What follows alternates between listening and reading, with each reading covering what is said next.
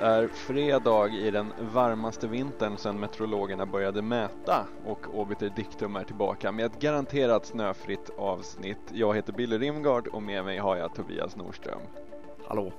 Va, eh, vad heter det? Du, du, du, du har ju flaggat för den här hemska vintern. Det är, den blir Precis. ständigt uppskjuten. Det var lite den jag, jag, jag kände här att eh, jag läste i veckan att eh, det tydligen inte har varit så här varmt eller åtminstone så här snöfritt sen ever. Och eh, jag började fundera på min, eh, min den här lilla profetian om att eh, det skulle bli en riktigt illa vinter. Men det, jag tror, det är nog inte för sent va? Jag kan, jag kan fortfarande få rätt. Jo då, det, det kanske blir en sån där vinter som sträcker sig mellan januari och maj istället. ja, eller hur? Halvvägs in i juni. Um, jag kom med lite lo-fi style som de sa i Johnny Mnemonic idag för lite mikrofontjafs. Uh, det känns inte bra. Produktionsvärde, när man en gång har varit på ett högt produktionsvärde så vill man inte gå tillbaka. Men om jag låter lite raspig så är det inte för att jag är sjuk utan för att uh, det är en ja, ny setup. Exakt. Förhoppningsvis det, första och sista gången. Det är tattarutrustningen vi lirar med idag. ja. Coop, forum, blev... Coop Forum Setup kör vi. Coop Forum Setup, ja. Det, det, det, det kändes lite mer, jag, jag blev sådär lite PK, PK-darrig när du sa tattarutrustning. um, det var självklart men... inget politiskt menat med det. Nej.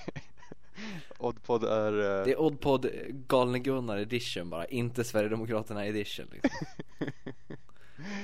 Uh, apropå uh, politik, uh, Rick Perry, såg du hans choke-up i Republikanernas debatt? Nej, jag har inte sett den här senaste, den som var nu här igår. Eh, däremot, alltså den jag har sett som väl, eh, hans det talet han höll, jag tror det var New Hampshire när han verkade full eller någonting. Ja. Eh, det var också roligt, men hur, hur chokade han den här gången? Jo, alltså han, ska, han skulle lista, det gjorde, det gjorde ont i hela mig. Alltså han skulle lista tre stycken myndigheter han, han eh, ska lägga ner om han blir president. Och han satte de två första, sen glömde han bort vad den sista var. Och det här är ju någonting liksom som han har repeterat på varenda, i varenda tal, varenda liksom town hall meeting han har kört under hela sin... och Ron Paul föreslår liksom miljödepartementet, är det den så här? Och då säger han, ja det är det. nej det är det inte. Så, här. så, så Ron Paul föreslog ett och sen så var det moderatorn föreslog ett annat. Så kom han inte på och sen typ så här, du vet tio minuter senare så så här, ja ah, just det, det, det var energidepartementet jag tänkte på tidigare. Åh, oh, jag fick sån här ångest över alla dessa gånger som man bara har eh... Fått hjärnsläpp Ja, när man skulle ha något bra att säga och det inte blir någonting liksom. Men ändå när det, när det är fienden som gör bort sig då, då Jag har svårt att känna att det blir awkward, då skrattar jag bara rått Ja, alltså, ja det gör ju ingenting att en, en sån snubbe försvinner från möjligheten att bli liksom den fria världens ledare. det var länge som man hörde det uttrycket på något sätt. Eh, men, eh, eh, men däremot så känns det lite så här ja, men som människa så kan jag tycka att det gör ont att se. Ja. Ja, men jag tycker nästan det är mer smärtsamt med eh, de här eh, anklagelserna mot Herman Cain. Inte för att jag sympatiserar med honom utan mest för att det liksom eh, Ja men det blir en sån här car, en sån här flera car pile-up grej. Alltså att det liksom bara, det slutar aldrig utan alla de här gamla synderna kommer fram ur The Woodwork. Speciellt hon den här kvinnan, jag kommer inte ihåg vad hon hette nu, hon som beskrev också hur hela hans sexuella trakasseri hade gått till. Det var, det var liksom så här, nej. Men det blir alltid liksom, det blir alltid, just, just när det är Alltså om man håller på att fiffla med stålar eller liksom sådana saker då, då är det en sak att släppa fram skeletten ute i ljuset. Men däremot så här, just sexuella trakasserier när det faktiskt finns någon på the receiving end mm. som um, även eh, deras deras bykar tvättas offentligt eller vad man ska säga. När man klär av ledarna eller vad man brukar säga? Det är svårt att hitta analogier och prata om sexuellt utnyttjande som inte handlar just om sexuellt utnyttjande. Precis.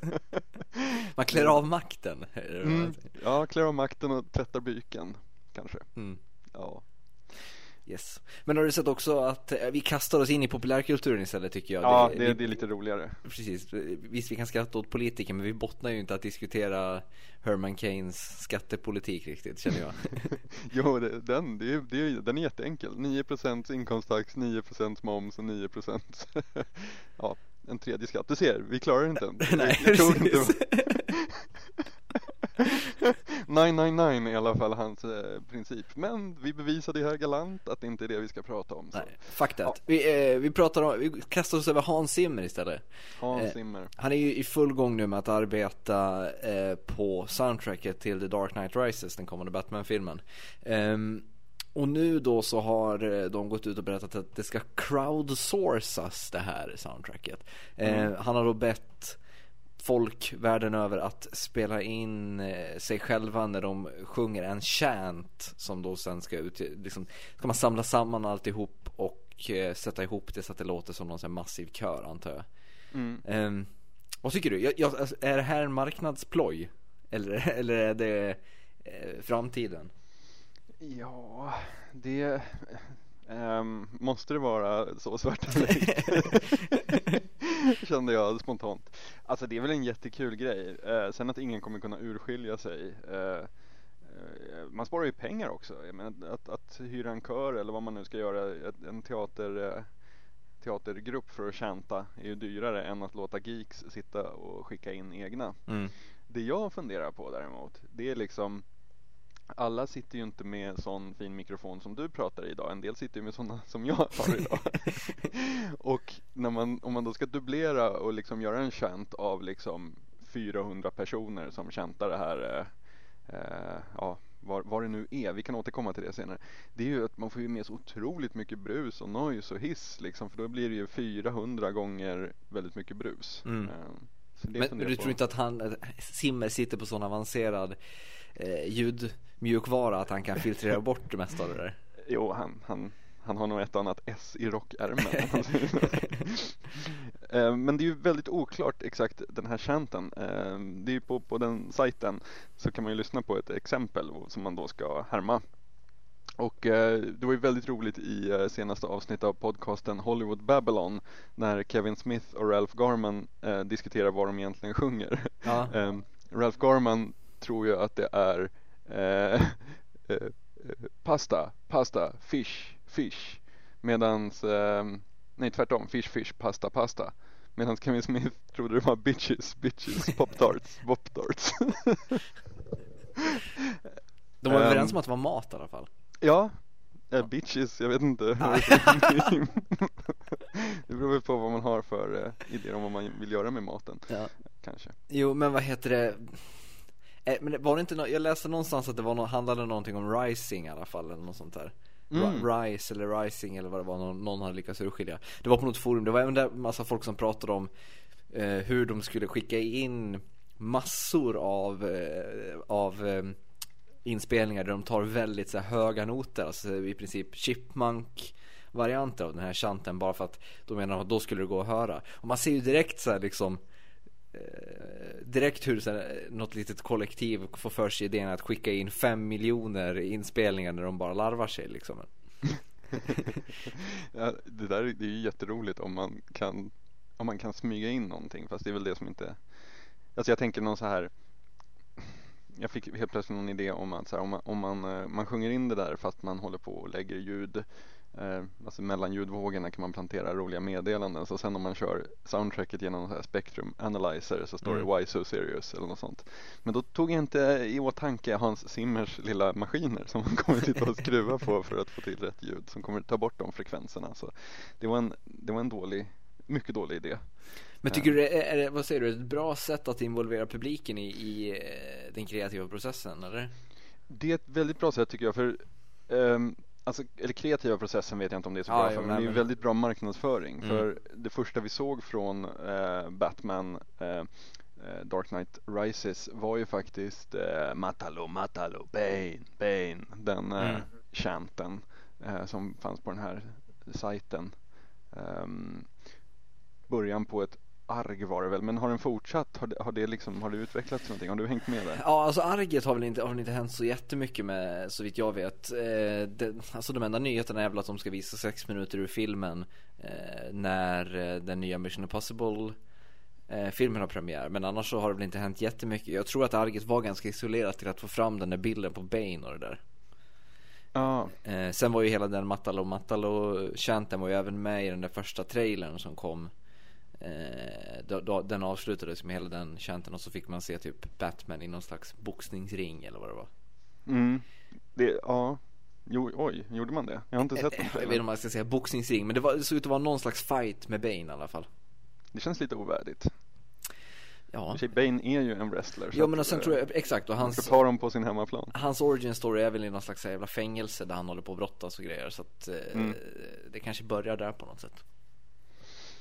Eh, vi fick ju en väldigt fin eh, liten apokalypsdikt eh, från eh, samma person som gjorde den här språkanalysen på, på våra ordval här om veckan. Mm. Eh, och förlåt, var vi klara med Batman förresten? Eller Ja, jo, vi, ja, vi, vi släpper Batman.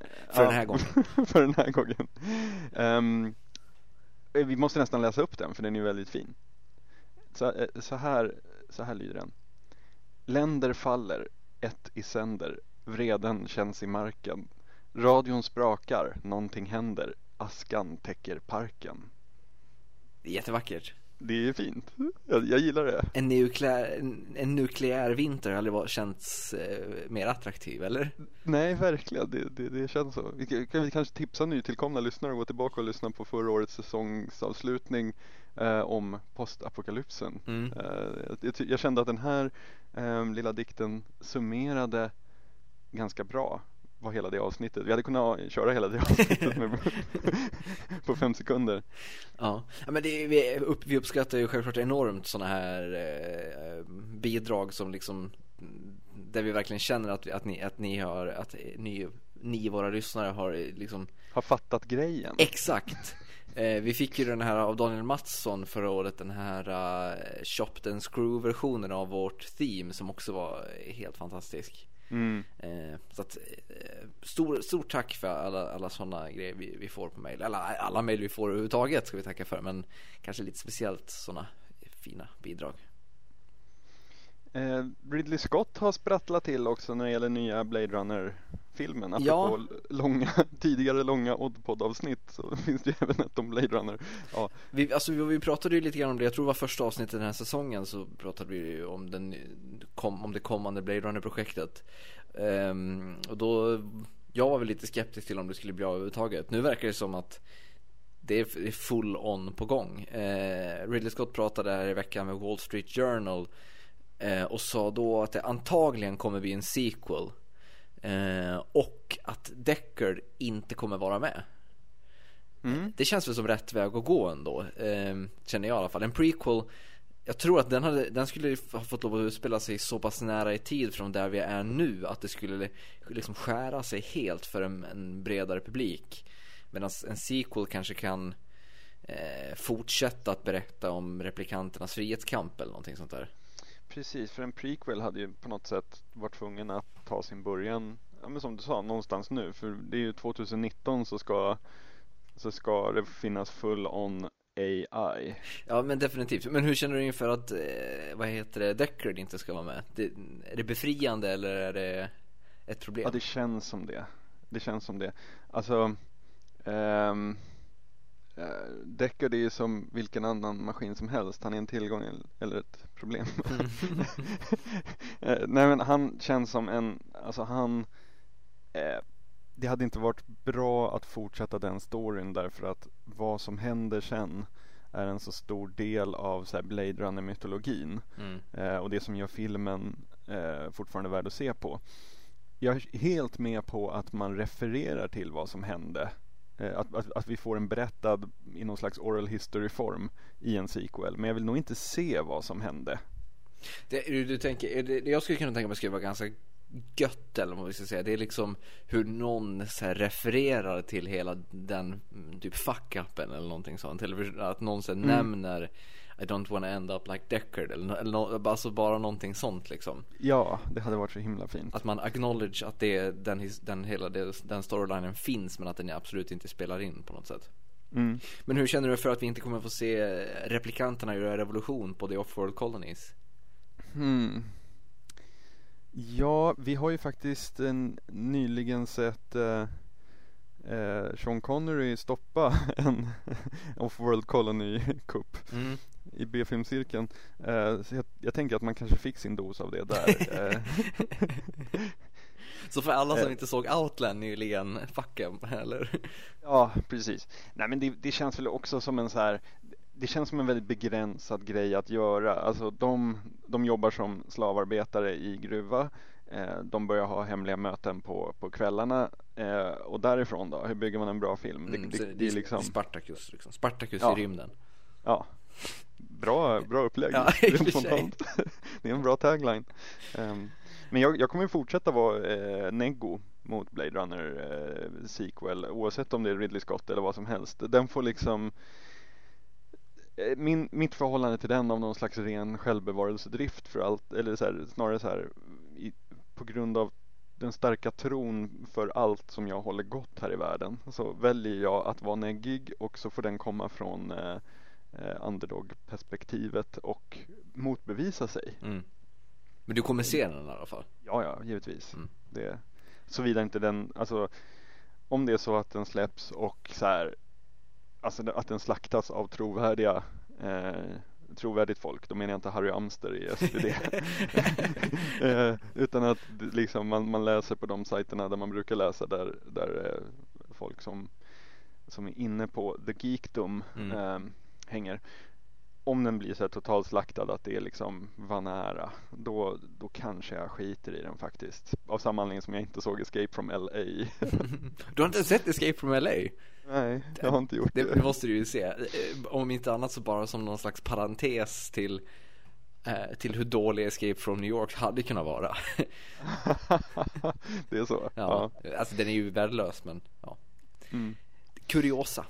Ja, Mm vi pratade lite förra omgång, gången om eh, vad som händer när, eh, när, pop, om, när popkulturen sipprar ut i, i verkligheten. Eh, lä, läste jag i veckan om eh, en eh, ryss givetvis som hade grävt upp 29 lik och, som han hade tagit hem och klätt upp eh, i fina klänningar och använt som några slags ja, prydnadssaker hemma. Ja, jag läste också det här, men alltså, jag vet inte, jag har inte hittat några uppgifter om vad han klädde ut dem till Nej, Alltså satt han hemma och hade kafferep eller vad eh, ja, Eller, alltså, eller använde han dem som någon slags eh, skyltdockor med, med, jag vet inte det, Jag, jag tänker ju spontant på den här eh, Finns något tidigt avsnitt av Heroes medan Heroes fortfarande var bra när eh, The Puppet Master eh, ha, tar kontroll på massa folk och sitter hemma och har så här dockhus och Mhm. tebjudning. Eh, det, känns ju väldigt Criminal Minds eh, ja. hela det här upplägget. Finns det något sexuellt här någonstans? Kan, kan vi eh, Det, vi kan väl nästan utgå från att det gör det? Ja, Eller? någon form nekrofila drag känns det som att det, det, det finns här någonstans AFPs eh, telegram med den härliga eh, ehm, det, det känns som de slänger in en liten brasklapp här vad gäller deras käll, eh, källkoll. De skriver Mannen sägs vara doktor i historia och särskilt fascinerad av kyrkogårdar. Så att man AFP har väl, har väl garderat sig där eftersom de inte riktigt vet vem han vad, vad, som händer. Jag har försökt googla fram eh, lite vettigare Lite information. bilder Ja, lite precis. Man, man vill ju se bilderna. Eh, men jag har inte riktigt lyckats. Det var, ja. Jag får tydliga associationer till, eh, vad heter han, Ed Gain. Han den här seriemördaren som väl typ 90% av alla populärkulturens psykopater är baserad på Hannibal Lecter bygger på honom och massa grejer Det var ju han som ehm, Ja, som flå, flodde massa folk. Han, han dödade massa folk och så flodde han dem och gick runt eh, och klädde deras hudar hemma i sin, eh, i sin villa så här. Jag tror det började med att han dödade sin mamma och flodde henne och, och klädde upp sig i hennes hud. Eh, Det gäller ju att hitta de hobby som man uppskattar. Ja, eller hur? Eh, jag för mig, alltså, Texas Chainsaw Massacre bygger på honom också vet jag. mm. Och sen är det väl, det kanske inte är Hannibal Lecter i När lammen tystnar utan det kanske är, vad heter han, Wild Bill Hickok eller vad han heter, den mördaren. Mm. Som, ja, den, skumma typer.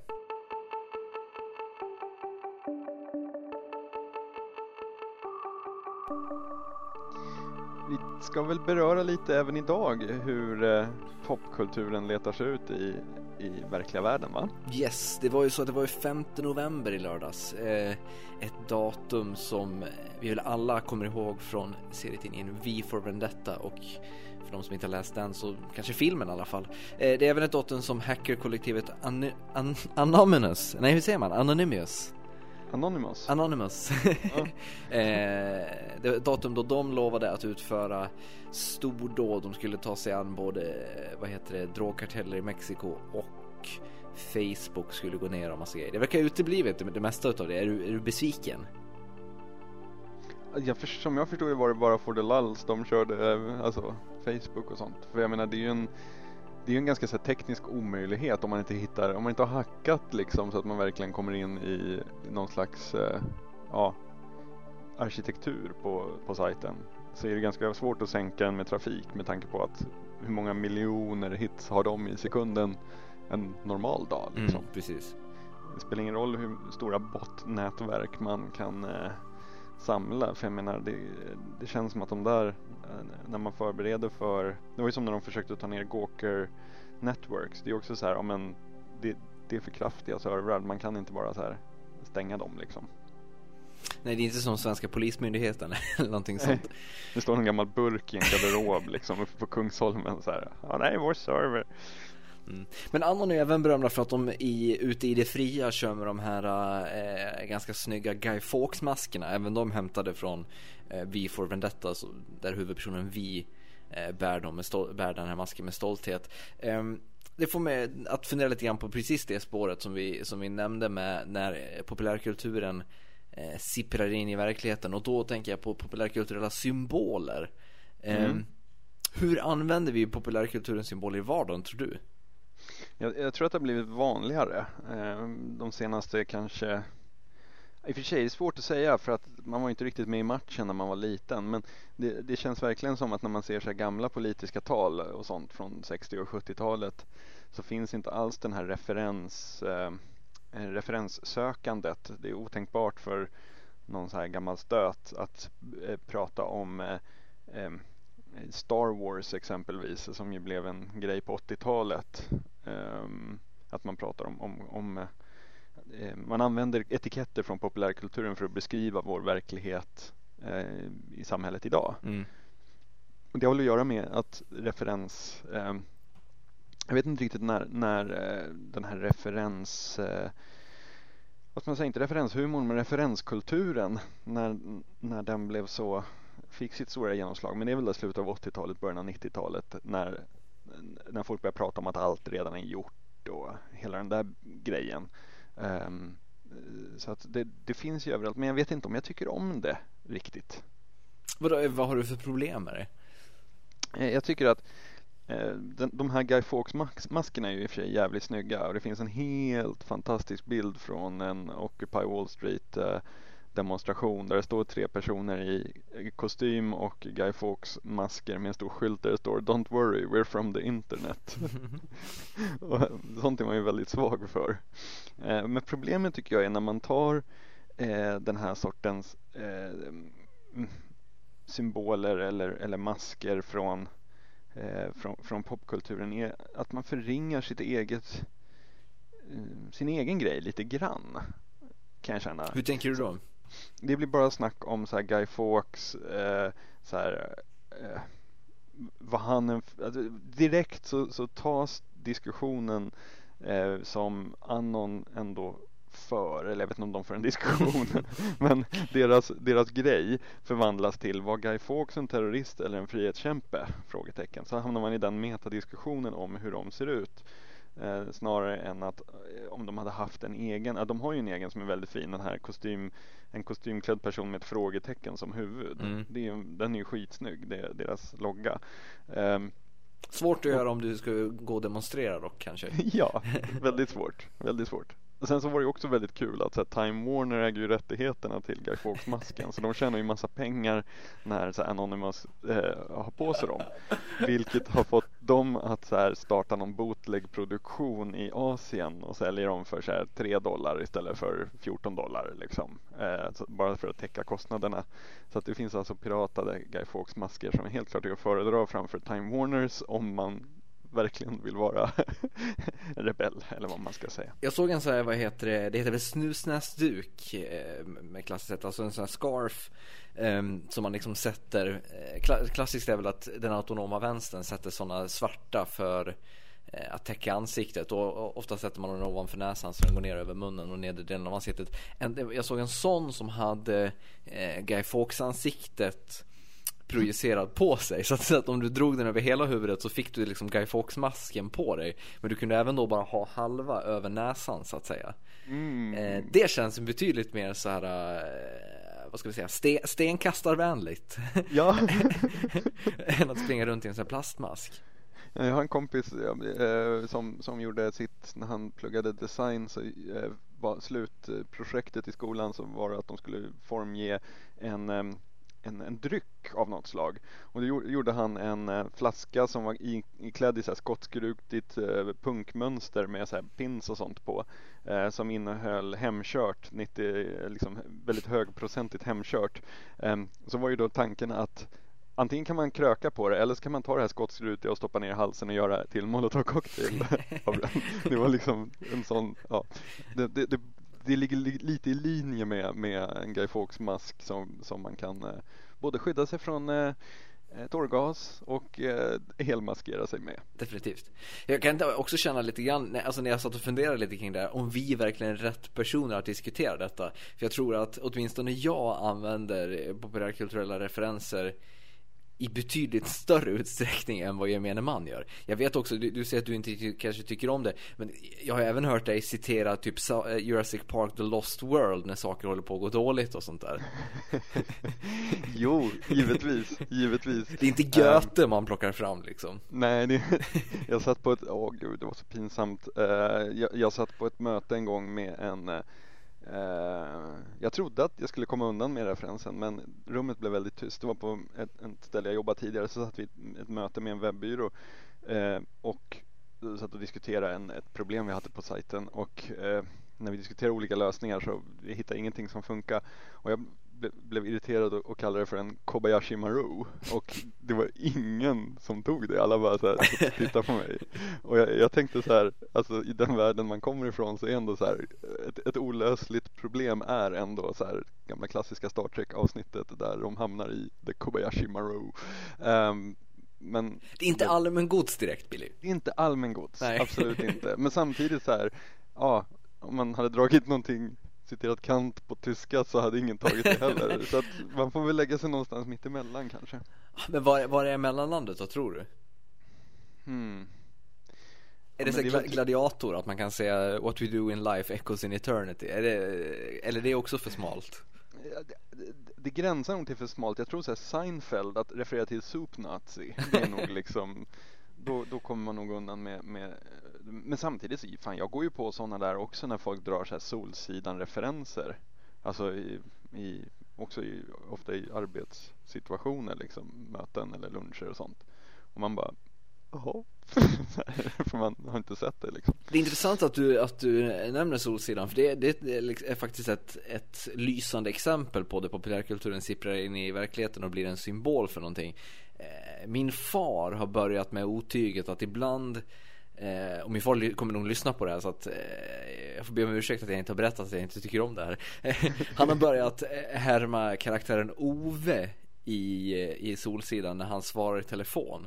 Så att man kan ringa upp min pappa om man ska fråga någonting eller, eller prata med honom och sen direkt då så hör man ett Tjenare mannen! och det känns så här, vad heter det? Eh, jag vet inte. Man blir måttligt road om man ska säga.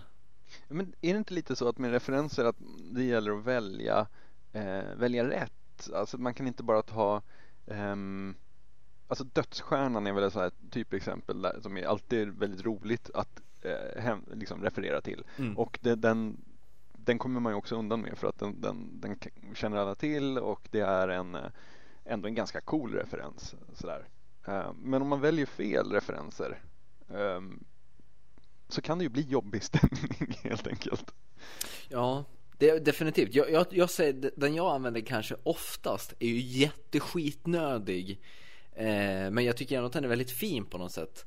När någon säger att de så här, tycker om någonting på ett sätt som får dem att tänka på massa saker så säger jag ofta Ah, det är din madeleinekaka. Mm. Eh, och det, det är ju så här de, på något sätt så vet man alltså att de, de som plockar det är bra människor på något sätt. Eh, Medan de som inte plockar det Eh, är de inte dåliga människor, definitivt inte men eh, De ska ställas mot en vägg Ja precis, det är arkebusering, nej men, mm. men att Man vet att då har man direkt någonting gemensamt Ah, du vet, du vet vad det är, vad bra Fast det är ändå en ganska bred, eller? Alltså... Jo, det, man, det, man, man, tycker det men du ska, du ska veta hur många det är som eh, Som inte plockar den det känns mer som att du testar allmänbildningen där snarare än liksom Ja, kanske Positionera dem kulturellt kanske. Eller? jag kan ha fel.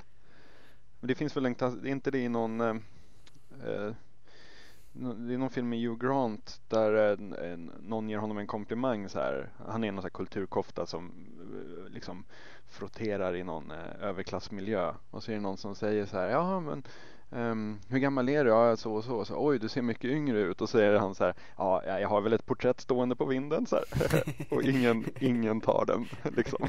Uh, och det blir konstig stämning. Så här. Folk tittar på varandra. Ja, ja. Uh, och den, alltså det är väldigt lätt att man hamnar i de, i de situationerna kan jag känna. Därför att man oftast med alla man umgås med uh, så, så har man ju ändå någon slags ganska rikt eh, popkulturliv eller vad man ska säga. Det går att eh, det går att droppa de grejerna och det är kul och det är alltid så här det blir ändå bra stämning när någon kommer med någon så här skön, skön gammal referens. Eh, men sen så då när man tas utanför det och man kanske bara så här råkar försäga sig typ eller ja, nej det, det, är komplicerat. Men, om vi gör det, om vi går utanför den, den eh, bekantskapskretsen som har samma särintressen som en själv. Vad, vad tror du mm, populärkulturen eller kanske till och med kulturen i bredare bemärkelse har för eh, direkt påverkan på hur vi upplever världen? Mm, jag tror att eh, eh jag tror inte att så här, om man tänker på eh, Bilderberggruppen tycker jag är ganska intressant ur det, ur det hänseendet. För det, där är det så här, du har alla element och, och av så här, det är stängda dörrar, det är liksom mäktiga affärsledare och mäktiga politiska ledare som träffas och säger att de så här, bara umgås på på våra villkor under några dagar och sen åker vi hem igen. Det är bra att känna varandra. Eh, och det är givetvis en så perfekt grogrund för alla former av eh, teorier och eh, ehm, designer för hur världen egentligen är uppbyggd. Mm. Eh, och, och, där tror jag att eh, alltså hur folk upplever sådana saker tror jag är extremt präglat av popkultur. Det är liksom ingen som så här nu, nu eh, jag kan väl inte riktigt formulera mig vad jag tycker om eller tror om, om Bilderberggruppen liksom. Eh, men däremot så är det ju givetvis så att eh, ens tankar om eh, sällskap eh, hemliga riter, alltså det, det spårar ganska fort ut från att så här, ah, ja, där träffas så här Kalle Bildt skaka hand med Bill Gates och sen ganska fort så går det så här och sen så slaktade de ett får och drack blodet. och, och, det är ju extremt präglat av all form av eh, eh popkultur man har tagit till sig. Eh, CSI-effekten är ju en annan, att alla har sån extrem övertro på eh, eh foren, forensiken och undersökningar, brottsplatsundersökningar. Mm folk blir vansinniga om polisen inte har gjort DNA-test på något fragment. Alltså du vet, så här, de tog inte ens fingeravtryck och bla bla bla. Uh, och det, där har vi börjat smitta av sig i, uh, i USA i juryarbetet mm. i domstolarna också. Mm. Att folk så här, spelar ingen roll hur många vittnen du har, om, om man har hittat mordvapnet hemma hos den misstänkte och sådär. Fanns det inga tekniska säkring på platsen så, så kan han ju inte ha gjort det liksom.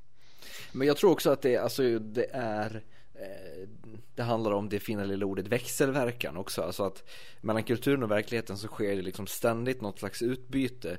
För samtidigt som vi ger eh, massa kulturella symboler ett verkligt värde genom att typ Annon använder Guy Fawkes så ger vi även verkliga symboler massa kulturella värden.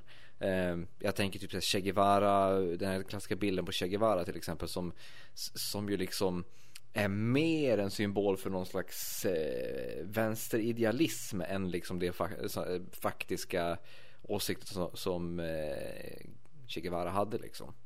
Mm. Eh, och det tror jag liksom Jag tror det är symptomatiskt på något sätt att eh, Att man är lika benägen att Vad ska vi säga kulturali- Kulturalisera sin verklighet som man är av att eh, Realisera sin kulturella verklighet eller vad man ska säga men, men vad, alltså, eh, vilken tror du är, eh, har starkast inflytande på den andra?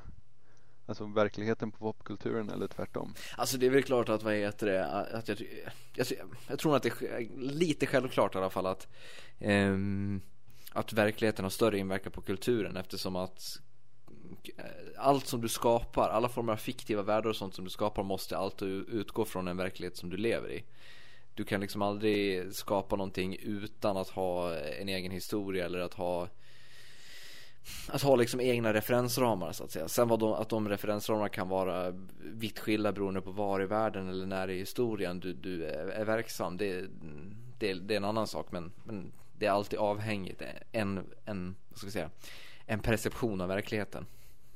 En eh, intressant, eh, eller så här, en intressant spaning som eh, man åker på ibland det är ju det här eh, när man träffar folk i en viss åldersgrupp som alla eh, jag, jag, jobbade på en, på en a-kassa, eh, det var mitt första jobb när jag var 19. Eh, det är alltså 98 började jag där. Och där var det en stor grupp personer som var typ 10 år äldre än mig som alla hade pluggat till jurister och jag vet att vi snackade om, om eh, varför de hade valt det. Och då var det så här att de visste inte vad de ville bli men Lagens Änglar gick på TV och det var väldigt bra. och, och, det där tycker jag är intressant hur så här, olika framgångsrika serier vid en given tidpunkt gör att folk väljer eh, att jobba med det de gör. Mm. Eh, för det är väl så här, just brottsplatsundersökare är väl ganska, eller kriminaltekniker överhuvudtaget har väl fått ett så här uppsving.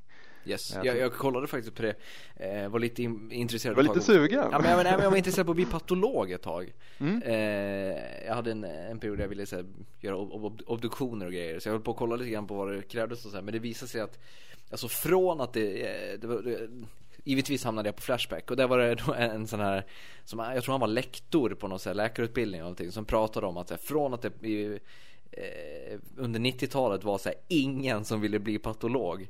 Så liksom början av 2000-talet och framåt så bara helt plötsligt så det, har det varit världens tillströmning och helt plötsligt vill alla bli patologer liksom. Du får eh, gå och gräva upp lik och klä upp dem i klänningar och ha hemma istället. Ja, jag får göra det. Ha, ha ett eget litet kafferep. Um, jag skulle vilja, eh, kanske lite så slutligen nämna en av mina favorit så här, kulturella symboler. Det är Baba Gump Shrimp. eh, jag vet inte om du kommer ihåg det, men det, det är den här restaurangkedjan som Forrest Gump startar i eh, filmen med samma namn.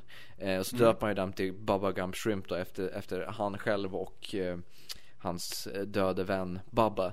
Eh, och, men det intressanta här är ju liksom att Forrest Gump som film ägnar sig en hel del åt historierevisionism. Där Forrest Gump genom att vara en del av den amerikanska historien blir någon slags symbol för USA. Han är så naiv, oerfaren, lite enfaldig men otroligt godhjärtad.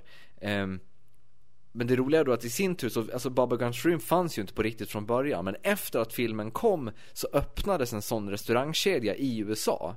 Som mm. att liksom, som att verkligheten ville då fylla ut att de delarna av filmen som inte fanns i verkligheten de måste finnas i verkligheten så att det liksom blir så att, så att det blir en slags sanning av det så att säga The universe has a tendency of correcting itself Ja men precis. Ben hade sagt. Ja, ja. Eh, jag, det, jag tycker det är skitkul på något sätt. Du sa ordet växelverkan förut och det, det tror jag är så ganska ett, ett, Kanske eh, det mest passande ordet i sammanhanget i och med att om man, om man skapar, eh, om, om det finns ett fenomen i, i, eh, i världen, säg att du ska leverera saker med lastbil längs isvägar exempelvis eh, i Alaska. Sen så kommer några och filmar det. Och jag, jag, vänta, det här resonemanget är ju redan nu färgat av populärkulturen. ja. men, men, men grejen är att de som kör, körde lastbilar längs isvägar i Alaska, eh, de gjorde ju det innan det kom dit någon med en tv-kamera och tänkte ja. att så här, här ska vi filma. De, de kör sina bilar där och de eh Eh, levererar och The Polar Bear är givetvis den coolaste. Eh, men sen kommer några med filmkameror dit och filmar och där blir det ju lite det här Okej, här får vi en framgångsrik tv-serie, eller framgångsrik, men det, jag kanske skulle ha tagit Deadliest Catch som, mitt, eh, som min case study istället.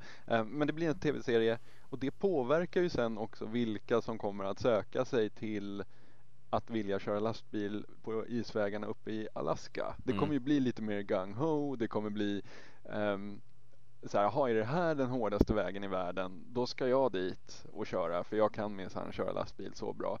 Och då blir liksom eh, miljön där ytterligare lite hårdare. Det blir lite mer tävling om vem som kan leverera mest laster. Det blir en bättre tv-serie nästa säsong och så vidare.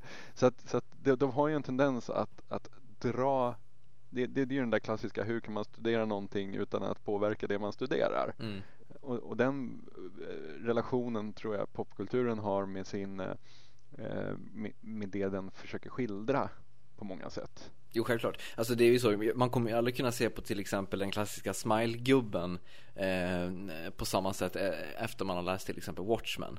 Nej. Eller efter att man har lyssnat på Mr Suitcase. ja, jag vet inte. Jag tror att jag tror för, förstnämnda har haft lite större påverkan på, på vår värld. Eh, eh, när du säger smilegubbe kommer jag ju tänka på den här eh, eh Laughing Man-loggan som användes i Ghost in the Shell Standalone Complex. Mm. Det är en symbol som jag skulle vilja se mer av här i världen.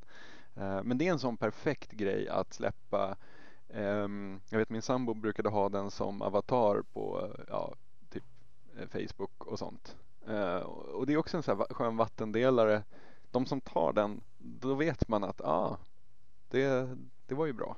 Men det är väl på något sätt därför också man har den för att, eller man använder sådana symboler själv för att på något sätt visa vad man tillhör eller vad man ska säga.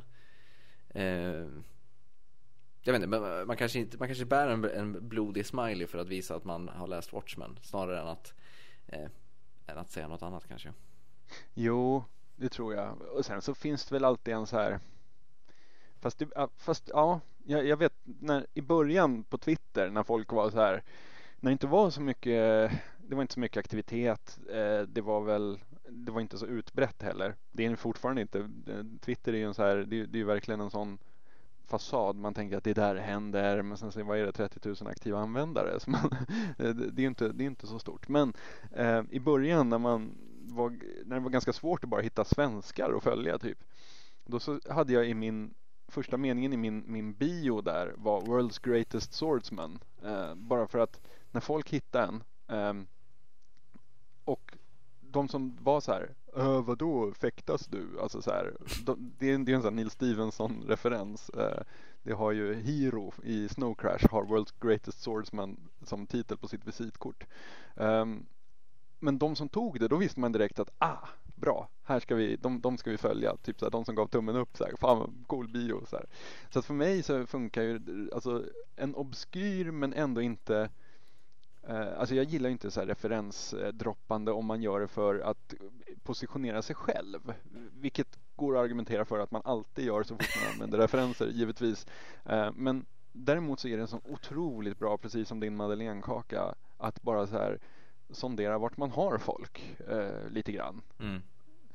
Det tycker jag ofta så här när man har en ny Eh, när det börjar någon ny på jobbet sådär så är det bra att testa med lite. ja, men har, har, du, har, har du ett förberett lackmustest på det sättet eller?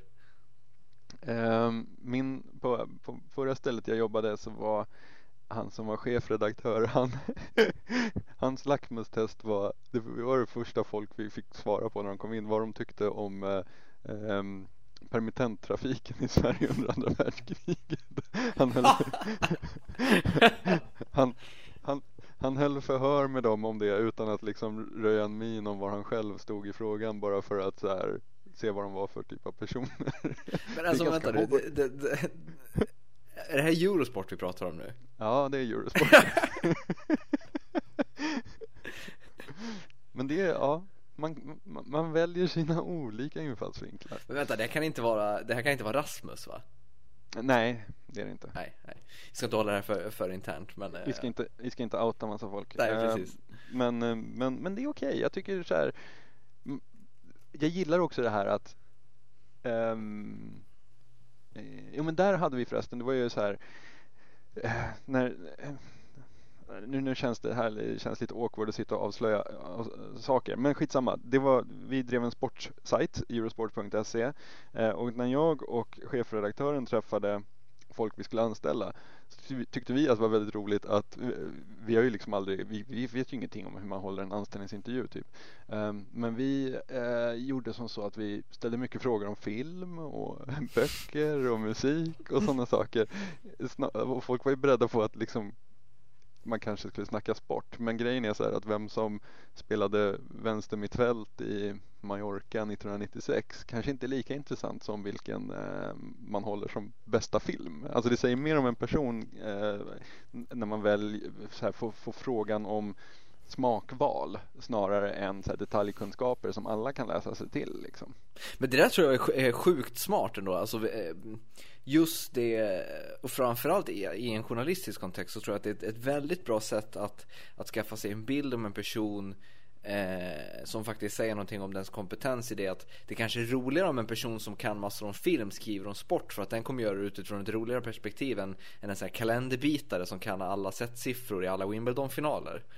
Ja, men sen säger det också lite om så här karaktären. Det var ju en som, en som sa så här, nej jag gillar inte film, jag tycker det är tramsigt. Och du vet, även fast det var liksom en, en, en krigsförklaring mot en sån som mig så är det ändå så här asbra svar därför att då har man ju tagit ställning i frågan liksom. Hellre det än att så här, ja jag tyckte ju att, eh, eh, ja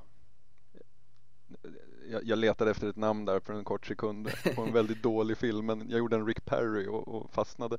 Eh, det är för att vi inte sysslar med dålig film här i, här i Oddpod. Um, nej men istället för att man säger så här, Transformers, den tyckte jag var asfet. Eh, så, kan, så tar man då ställning och säger att nej, jag gillar inte film. Och det, det är ju också en så här, det säger ju, det, det, är inte, det talar ju inte nödvändigtvis till ens nackdel att man, att man gör en sån sak. Nej. Apropå outa här, kan inte vi outa den här, eh, vad heter de, sidoprojektet? Sidoprojektet, Kan vi inte outa de jävlarna nu? berätta vad det är för något. Ja men det är väl de här som har släppt den här låten, jag kommer inte ens ihåg vad den heter, den, den har en extremt fjantig video i alla fall. Eh, Jag blev kvar heter den va? jag blev kvar Det- heter låten. pop, poplåt, väldigt så här skockosk. Ja. Eh, rat, gammal ratata, lite sånt.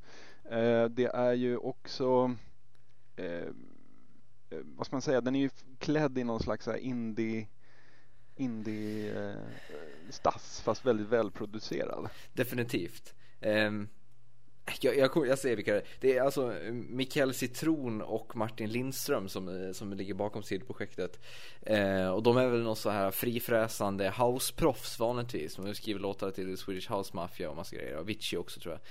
Ehm, Jag vet inte, det, hur kul känns det att man, att man ska vara hemlig? Det är, det är på något sätt att vilja bygga sig själv som någon slags symbol, eller? Ja, alltså det här är, nu, nu kommer vi in på en helt annan diskussion. här, Ja, lite vi, grann. Kör, Vi- vi, vi- vi, vi- kör hårt på den. Ja. Vi har ju sett det här de senaste åren hur ehm, så här misslyckade American Idol-folk försöker så här relansera sig något år senare i någon slags pitchfork-kontext och vara så här wow, ehm, jag är indie så där. Ehm, och det känns som att på något sätt så har så här, eh, det opolerade och det lite tillskruvade eh, och det lite knäppa som ofta så karaktäriserar eh, folk som kommer från någon slags konstbakgrund eller indiebakgrund eller väldigt själv, alltså fritänkande bakgrund. Det, när det har blivit liksom hippt eller vad man ska säga. Mm. Med, med, vi, ju, vi såg ju Arcade Fire vann, vann ju en Grammy här och dessutom så Var på alla på Twitter, ja, på alla, alla amerikaner på Twitter skrev Ja, så eh, frågade väl, vad var det? Who are Arcade Fire? Alltså ingen visste vilka, vilka de var. Ingen visste vilka det var. Nej. Eh, Och jag menar, eh, det, det har, det har ju, de, inte, de, de är ju ändå ett ganska tillgängligt exempel men det Mm. finns ju ganska mycket så här Florence and the Machine och James Blake och alltså så här kon, Fan alltså, jag hatar Florence and the Machine. Jaha, Det, det, det är den här som jag var inne på förut, den här MTV-indien. ja. Nu är vi på ett stickspår från ett Ja, ja. stickspår bara så. Ja, jag ville Ehm. bara, jag ville bara förklara mitt hat. Ja, fortsätt. Men när det här skruvade har blivit liksom framgångsrikt, eller när Indien har blivit framgångsrik, Mm. då är det som att så här, när man har suttit och producerat då så här Save the World och liksom Arena Housen och sådana saker. Om man sen vill göra någonting som kanske ligger närmare ens eget hjärta och som så här, ja men jag gillar ju faktiskt svensk pop så här. Då, alltså, då finns det någon slags, jag tolkar det som en ängslighet i att inte kunna göra det under eh, det egna namnet utan istället så ska man då så här prata om kreativa kollektiv och vi är inte ett band, vi är liksom man börjar prata runt i massa sådana där eh, termer. Mm. Jag tycker det är mycket bättre som så här Karlsson och Winberg som ändå har proddat så här Britney Spears Toxic och sådana saker när de gjorde Mike Snow. Det var ju liksom bara så här, ja ah, nej men det, det är vår grej. Det här är det vi vill göra egentligen och det är också jätteväl producerat och snyggt och bla bla bla. Eh, men de, alltså de duckade ju inte för att de var de så att säga. Men om vi vänder på steken då, så är Lana Del Rey Mm. som ju inte är Lana Ray och- som inte heter Lana, Lana Del Rey och har, har ju haft en annan karriär innan som Lizzie Grant, vilket väl jag tror jag är hennes riktiga namn också. Um, alltså det jag menar är, var går gränsen för när man låtsas vara någon annan liksom? När man, när man på något sätt hymlar med vem man är. Tycker du, för på något sätt, för mig i alla fall finns det en ganska distinkt skillnad mellan sidoprojektet där man, där man, där man liksom så här eh, vill till 100% på något sätt dölja att det här är någonting som, som det egentligen är bara för att man vill att det inte ska feltolkas eller vad man ska säga. Mm. Eh, Det, jag, jag vet inte om det handlar om uppsåt på det sättet men, eh, men, men att det å andra sidan hos Lana Del Rey mer handlar om att så här, typ skapa ett artistalter ego. Mm. Eh, Kan du förstå den skillnaden på något sätt? Ja det kan jag fast jag tror att det bottnar ändå i samma grej så här att man vill starta om. För det är en sak, jag menar alla har väl haft eh, med Lady Gagas eh, tidiga videos på Youtube från så barframträdanden och sånt. Det ligger ju inte i närheten av det hon gör nu. Då hette hon inte Lady Gaga heller. Men det var ju lugnt därför att hon inte blev stor med de grejerna. Mm. Men, men jag tror att det är mer problematiskt för dem som får någon slags så här medelstor liksom karriär eller du vet du, du släpper ett eller två album och når ändå du får några kritiker och bloggare på din, din sida kanske och så men det gick inte så bra och du är trött på den här jävla grejen så nu vill du göra dubstep eller någon, Mm. någon annan flavor of the month Ehm, de har nog betydligt större problem eh, att, att helt reboota sig själva så att säga Definitivt. Men sen i, alltså i slutändan så, så bottnar, alltså allting slutar ju förr eller senare i det liksom att om musiken hade varit bättre så hade det inte varit ett problem heller. Alltså nu, nu den här eh, sidoprojektet-låten är ganska lökig tycker jag. Ja, Men alltså jag... jag, tycker Lana Del Reys videogames är sk- skitbra liksom. Mm, och de tusen remixarna av den som har släppt. Ehm, ja, jag vet inte. Jag tycker inte sidoprojektet, äh, alltså, Var inte så diplomatisk Billy, kom igen nu ta ställning. Ja, alltså jag vet inte. Det var väl, det var väl mer, jag satt väl mer som en frågetecken, men om man, om man jämför med så här äh, Lilla Sällskapets morgonen därpå som jag tycker verkligen är så här skitbra. Eh, och de lirar ju någonstans i samma skola. Så tyckte jag nog att det lät kanske lite mer eh, fumligt. Vilket är konstigt med tanke på eh, vilka det är som har proddat det. Men ja. Ja, men, det är, väl- men det är väl så det medvetet lite fum, fumligt på något sätt eller?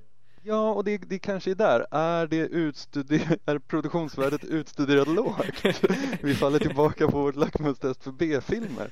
Eh, och det kanske är det man ska ha lite när det gäller så indie-produktioner också. Så här, de, de, tre, de tre grejerna kanske funkar och, och liksom lägga på, på indie-musiken. Men då inte förklarar ju hela lo-fi-genren på ett, på ett bräde sådär.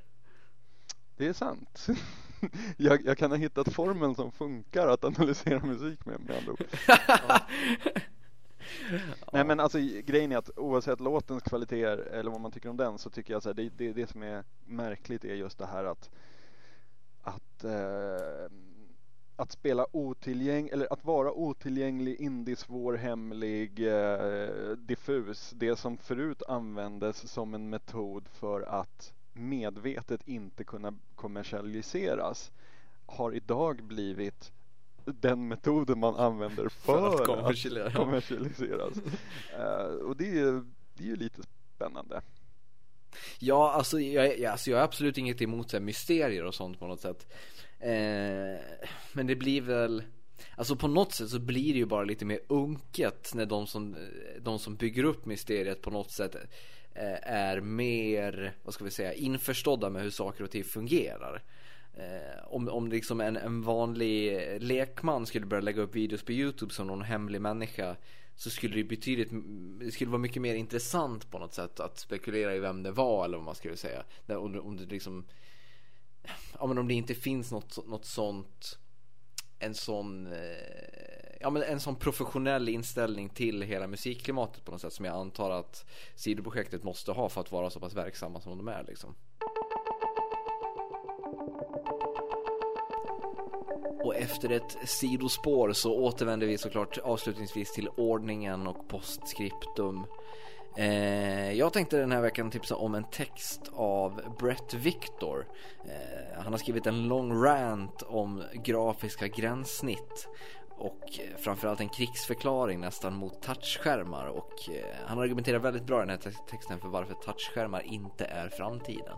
Jag ska tipsa om eh, en serie reklamfilmer eller upplysningsfilmer snarare som Darren Aronofsky har gjort mot eh, meth, eh, meth-användande. Och eh, de är, det är särskilt en av dem, en, en eh, tjej som står och tittar sig i spegeln eh, i badrummet som är helt fantastisk. Eh, får en inte att bli så här jättesugen på att testa meth. en direkt följdfråga på det har eh, Clint Mansell och Kronos Quartet gjort musiken? Det är en bra fråga. Uh, det... Jag tänker på Requiem for a Dream som väl är världens mest återanvända soundtrack någonsin. det är ju Darren Aronofskys antiknarkfilm. Ja, uh, som dock blev lite täntad när den läckte ut i, den fick ett väldigt obehagligt ansikte i verkligheten eftersom den här dåren i Norge lyssnade på den när han gjorde sitt terrorattentat. Ja. Breivik? Yes, Aha. jag var förkrossad uh, och se Clint Mansells namn dra in, dras in i det där. Ja, det var inte bra. Yes. Eh, nu är det alltså uppehåll då nästa vecka, eh, men vi är som vanligt eh, tillbaka veckan därpå och då med B-filmcirkeln och Primer. Glöm inte att titta på den tills dess och höra av er med reflektioner antingen i kommentarerna på vår hemsida eller via mail på kontakt.oddpod.se. Tack för eh, idag. Ha så kul i New York nu Tobias. Ja, jag ska, jag ska ha det så roligt. Eh, ha det så kul här hemma. Vi sitter här och skaver så länge. Ja, det gör det. Ha det bra, tja. Hej.